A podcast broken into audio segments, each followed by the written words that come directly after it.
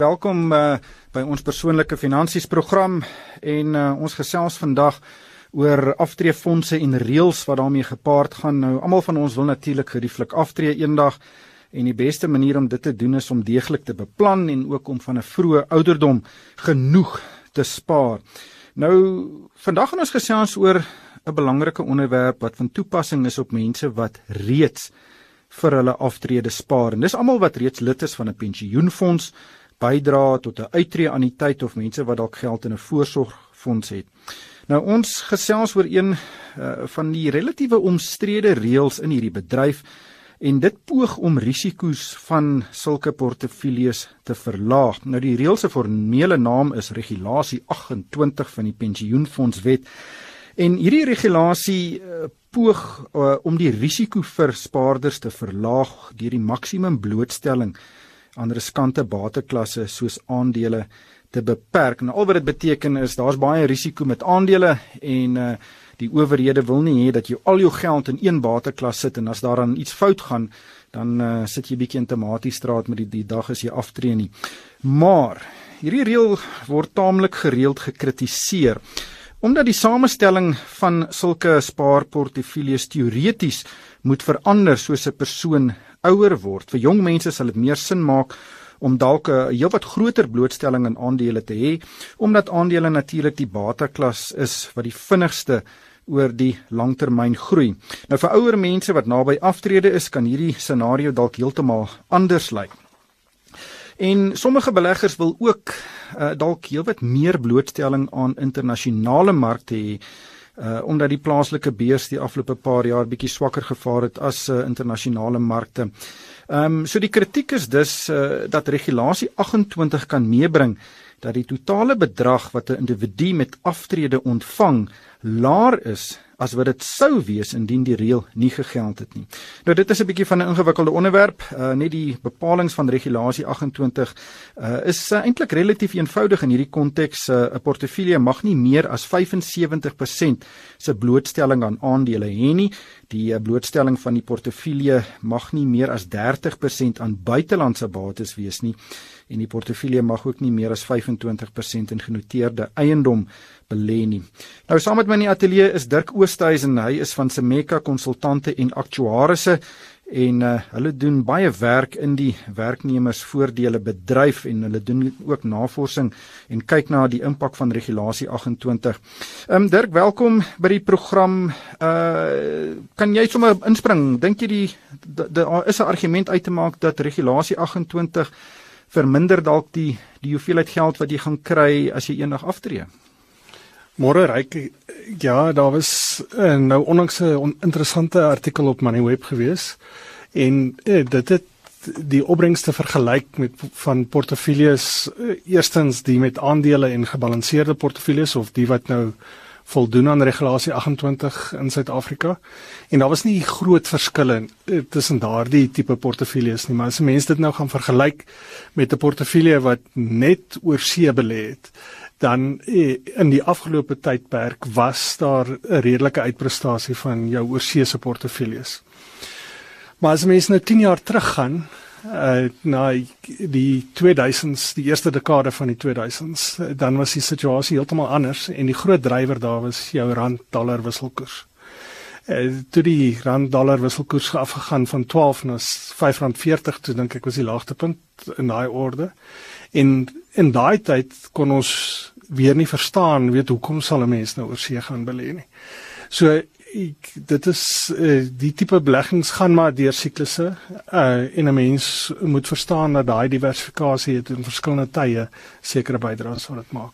Ja, die artikel waarna jy verwys is baie interessant en dit het probeer bereken uh, wat is die opbrengsverskille tussen fondse wat voldoen aan regulasie 28 en en die wat nie doen nie. En uh, dit is nou nie die uh, ek dink 'n uh, empiriese navorsing nie. Dit is maar baie aannames wat gemaak is in hierdie artikel. En dit het bevind dat uh, 'n gemiddelde regulasie 28 portefeulje sedert 2011 tot uh, ek dink die einde van April met 9,4% per jaar gegroei het. Ehm um, wat meer as as inflasie dit is 'n 'n billike opbrengs. Ehm um, maar die artikel het ook be, bevind dat ehm um, 'n gebalanseerde portefeulje wat in plaaslike en internasionale aandele belê het, um, oor dieselfde tydperk sowat 13% se opbrengs ehm um, kon ehm um, ervaar het. Ehm um, en dit beteken dat die die verskil is in die orde van so tussen 3 en in 3.5 persentasiepunte die verskil daarvan. Maar dit is dis tog 'n wesenlike verskil. Dit was oor hierdie spesifieke tydperk.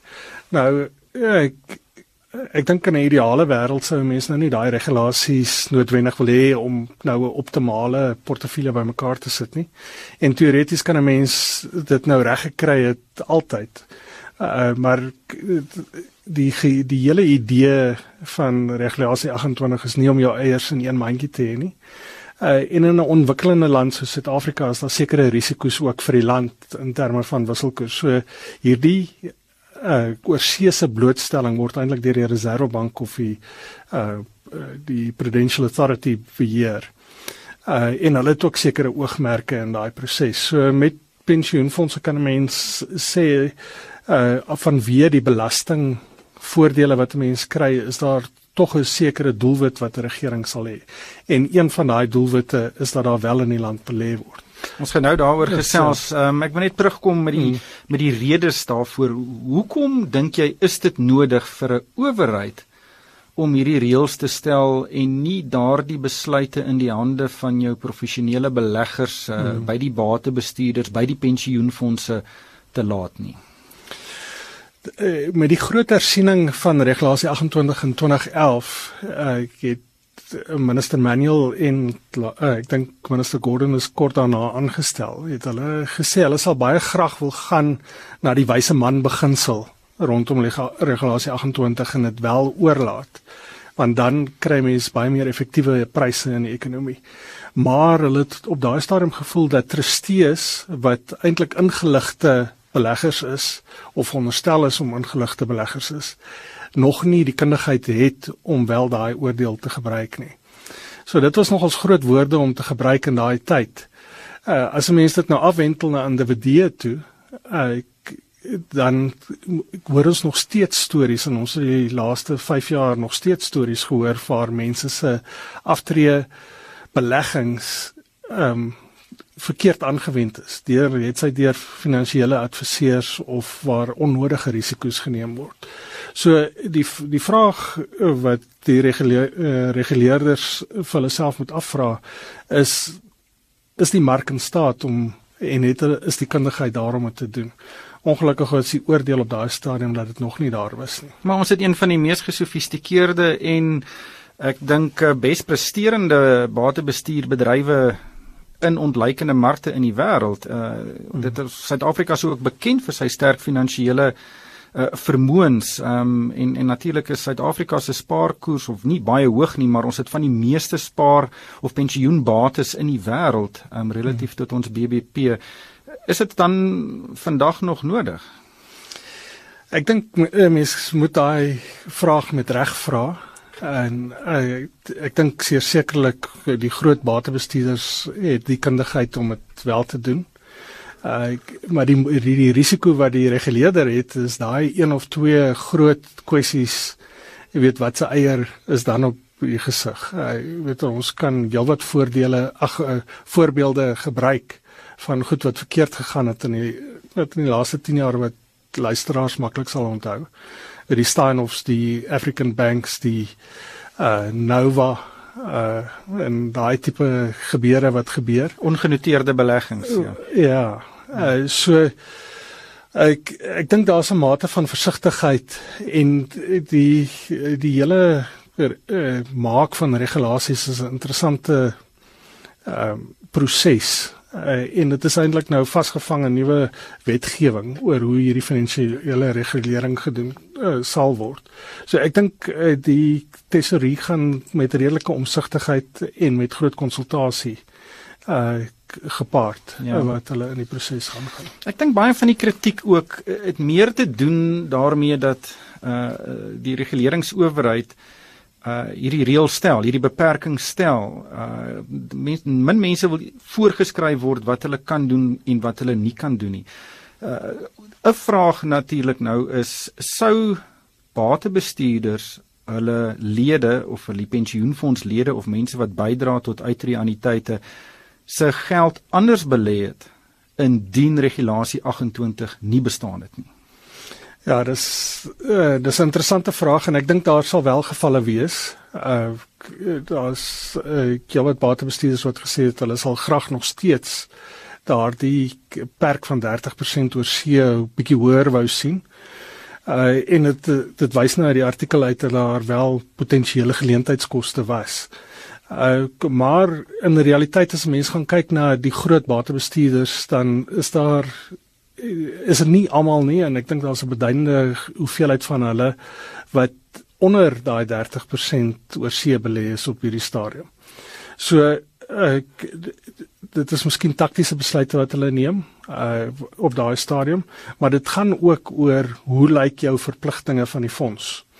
Is is jou verpligtinge uh het jy 'n ouer groep waar daar miskien potensiële kontantvloeye is wat vorentoe gaan maar as 'n mens met, 'n individu werk hoe nader jy aan aftrede kom moet jy meer kyk na hoe lyk die kontantvloei wat se kontant gaan 'n mens uitneem uh en dis meer. So dit gaan meer oor daai pas van die bates na die verpligtinge toe. Ja.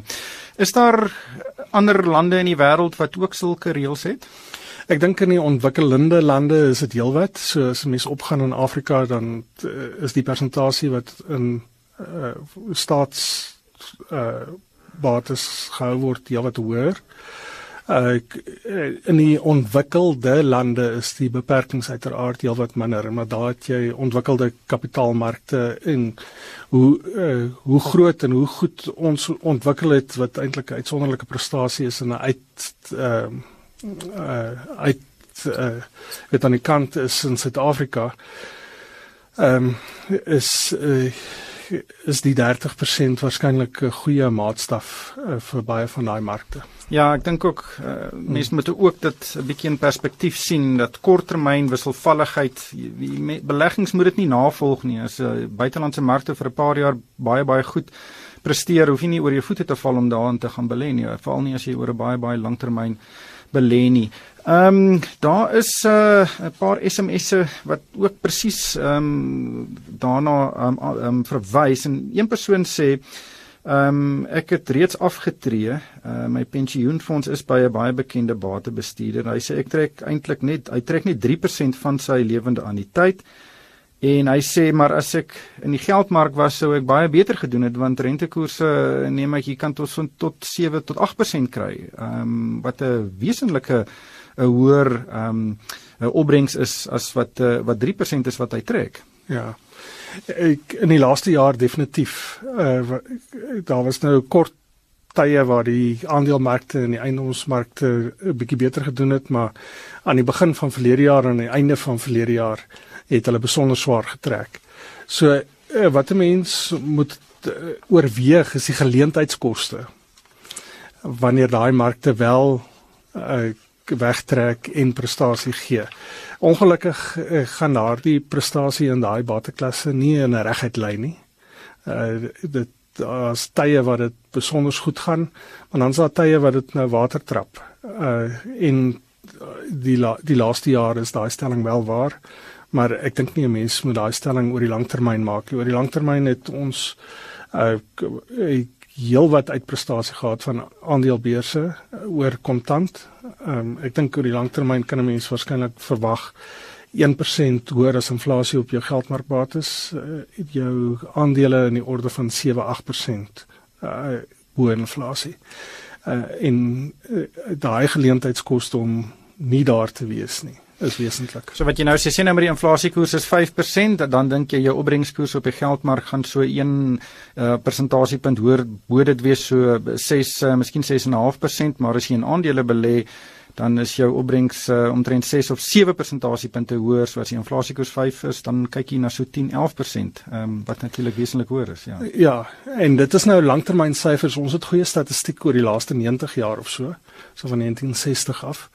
Uh, maar selfs as 'n mens nou verder gaan en ekstrapoleer wat in ander ekonomieë gebeur, gebeur het, uh, dan uh, is dit dieselfde wat daar gebeur het. So ehm um, dit gaan baie moeilik wees om iemand te oortuig dat oor die volgende 20 of 30 jaar nie dieselfde tipe uh, dinge kan gebeur in terme van opbrengste nie. So mense moet baie versigtig wees. Dis natuurlik 'n hele paar SMS'e en die uh, die die woord of die frase voorgeskrewe bates verskyn hier nou ehm um, uh, voorgeskrewe bates is 'n uh, is 'n term uh, van uh, regulasies wat pensioenfonde of uh, ander spaarfondse verplig om in sekere bates te belê en is gewoonlik um ontwikkelingsprojekte in Suid-Afrika uh of in, in ander wêrelddele. So jy forceer sê nou maar 'n uh, sekere pensioenfonds om in 'n spesifieke projek te belê. As daai projek dan suksesvol is, gaan die pensioenfonds uh, geld maak maar die sukses van die projek gaan ook deurvloei na die ekonomie en dan gaan dit ekonomiese aktiwiteit verhoog. Nou Dirk, ehm um, uh, baie mense is bang vir voorgeskrewe bates, ehm um, grootendeels omdat sommige wel meest baie van daai projekte nie altyd suksesvol is nie. Is uh die beginsel van voorgeskrewe bates gekoppel aan regulasie 28? Mense kan argumenteer dat regulasie 28 is 'n vorm van voorgeskrewe bates. Uh, ek dink dis 'n baie ligte vorm. Tot in 1989 moes ons 89 ag 53% van ons geld in staatseffekte belê. Uh die voorgeskrewe bate debat uh, kom waarskynlik uit die ANC manifesto uh, vir die verkiesing waarin hulle gevra word uh, gesê het dat hulle dit gaan ondersoek. Ehm um, ek is nie so eh, alhoewel die konsep van voorgeskrewe bates vir my bitter bang maak want eh, oor die langtermyn het dit 'n groot impak op opbrengste. Uh dink ek nie dit is iets wat uh, nou binnekort sal gebeur nie. Ja natuurlik uh, vertroue in Suid-Afrika is 'n baie belangrike ding. Vertrouensvlakke is op 'n op 'n laagtepunt en en hier is iets waar die regering nie sommer aan sal krap nie omdat dit vertroue kan beïnvloed. Ja, verseker. Eh, daar was nou onlangs 'n onderhoud gewees met van die ANC leiers uh, en hulle het die hele tyd water getrap en ja, eintlik tot omate gesê dit was 'n Kusatu gedrewe resolusie by die ANC. En uh, spesifiek met die prestasie van Eskom en uh, is die die uh, SAA uh, ek dink ek is hulle baie ligtig en sal hulle nie wil foute maak daarop nie, maar die interessante aspek is toe die onderhoudvoerder praat oor steenkool. Uh toe ewe skielik toe staan wenkbroue wat gelig word en sê maar hoekom sal ons nie in steenkool belê nie? En is dit nie 'n argument vir voorgeskrewe bates nie? Ja, ja net om konteks te gee daar die die die gesprek het gegaan oor sekere banke wat gesê het hulle gaan nie meer steenkoolprojekte finansier nie weens die impak op die omgewing. Ehm um, en die die persoonlik ek dink dit was ehm um, uh, Slangwana die die uh, hoof van uh, ekonomiese beleid in die ANC het gesê maar luister die steenkoolbedryf is 'n kritieke bedryf in Suid-Afrika. Dit skep geweldig baie werk. Uh ons moet daarna kyk en hmm. en dit is die tipe van debat wat plaasvind ook dat uh, sekere fondse geforseer kan word om in Eskom staatseffekte te belê om die nodige finansiering te verskaf uh, vir Eskom om uh, die ligte aan te hou. Ja. Nee, ek, ek, ek kyk met die Eskom kwessie is natuurlik 'n baie seer punt uh, vir die regering en 83% van hulle energie word opgewek deur steenkoolverwante uh, kragopwekking. So uit 'n verantwoordelike beleggers oogpunt is daar waarskynlik uh, argumente maak dat 'n mens op hierdie stadium nie heeltemal daaruit kan onttrek nie. Alhoewel mens die langtermyn effek van klimaatsverandering in in uh, die kwessies moet verstaan.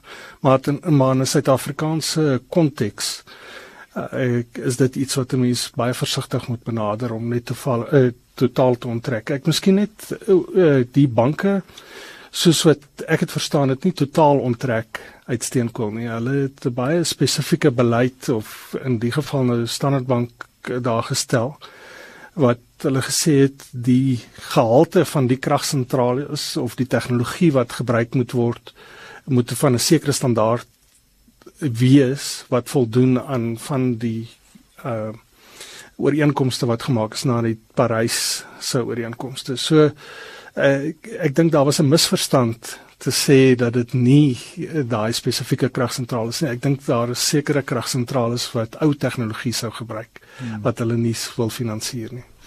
Maar ons uh, dit klink nou of ons nou baie kla oor die hantering van pensioenfonde. As mens nou uh 'n bietjie meer 'n breër perspektief neem. Ons klim in 'n helikopter en ons gaan net so tuskan die ruimte en ons kyk af op die Suid-Afrikaanse pensioenfonds bedryf. Uh dit is 'n baie groot bedryf. Daar is regtig baie kundige mense daar en in die algemeen doen uh hierdie uh hierdie batebestuurders baie goed en en pensionaarsse of mense wat spaar vir aftrede behoort relatief gelukkig te wees nie waar nie? Oorwegend daar's natuurlik tye wat dit 'n bietjie moeiliker gaan. Ek op die, ek dink jy's heeltemal reg te sê oor die langtermyn het die batebestuursbedryf in Suid-Afrika baie goed gedien. Uh daar's van tye daar's by tye waar dit eintlik 'n bietjie moeiliker gaan en is op die ou ende gaan as die Suid-Afrikaanse ekonomie swaar trek, dan gaan dit mettertyd wys in portefeulje opbrengste. So ek ehm um, ek ek stem saam met jou, uh, maar dis baie belangrik dat die hele stelsel werk. En weet dis die regering moet sy deel doen, die batebestuurders moet sy deel doen, die mense wat die die bydraes van van spaarders bymekaar maak moet uh, moet hulle deel doen. So daai hele stelsel moet saamwerk. Ja. Maar dit is nog steeds 'n goed gereguleerde bedryf, dis 'n volwasse bedryf um, en natuurlik as markte val, dan gaan die opbrengskoerse daal. Ek wil net laastens gesels oor risiko en ek dink baie mense dink okay die Amerikaanse mark is uh, op met 20%. Hoekom is my geld nie daar nie? Die plaaslike mark is af met 5%, hoekom is my geld hier? Ehm um, maar dit is baie belangrik dat daar diversifikasie in portefeuilles is om risiko te verlaag. Hoe moet iemand wat spaar vir aftrede uh dink oor risiko en en is regulasie 28 'n belangrike komponent in daardie uh perspektief? As mens regulasie 28 miskien eers tersyde sit en vra hoe iemand van die begin af begin om te spaar dan sal 'n mens daai persoon graag eh, wil laat belê in groeibates en en nie te veel bekommerd te wees oor korttermyn fluktuasies nie. So uh was die die groeibates wat uh, oor tyd vir ons die beste prestasie gegee het is nou maar aandele en eiendom. Uh en dan stelselmatig soos wat jy nader aan aftrede kom, dan sal 'n mens nou meer sekerheid wil kry oor die eh, kontantvloei wat jy wil trek in aftrede. So behalwe dit is daar nou nog eh, 'n uh, reg om 'n uh, eenmalige onttrekking te maak in die meeste pensioenfonde van 'n derde. Uh en 'n mens moet vir daai kontantvloei ook voorsiening maak. So wat pensioenfonde wil doen is hulle wil daai voordele op tyd en in die regte grootte betaal. Uh so daai oorskakeling na uh, meer kontantvloei sekerheid uh, moet plaasvind soos wat 'n mens nou ouer word. So uh, as 'n mens nou regulasie 28 nou bo op daai konsep te gaan plaas, dan dink ek regulasie 28 gaan vir die meeste mense gepas wees. Daar's nou sekere individue wat nou jonk prof, professionele leiers of of welvarend is vir wie dit miskien nie sal pas nie, maar vir oorwegend dink ek sal dit wel pas. Dit is omstrede, maar mens moet ook nou nie mense konteks te ontsteld wees daaroor nie. Uh, wel ongelukkig hierdie tyd ons ingehaal en ek dink dit was baie interessante gesprek. Dirk, baie dankie dat jy ingekom het. Dit was Dirk Oosthuizen, hy is van Semeka Konsultante en Aktuarisse en uh, hulle doen regtig baie werk in die werknemersvoordele bedryf en uh, Dirk, dankie vir jou deelname. Uh luisteraars is welkom om vir my 'n e-pos te stuur. My adres is ryk@moneyweb.co.za. En daarmee moet ons groet van myself ryk van die kerk en die Moneyweb span. Dankie vir die saamluister.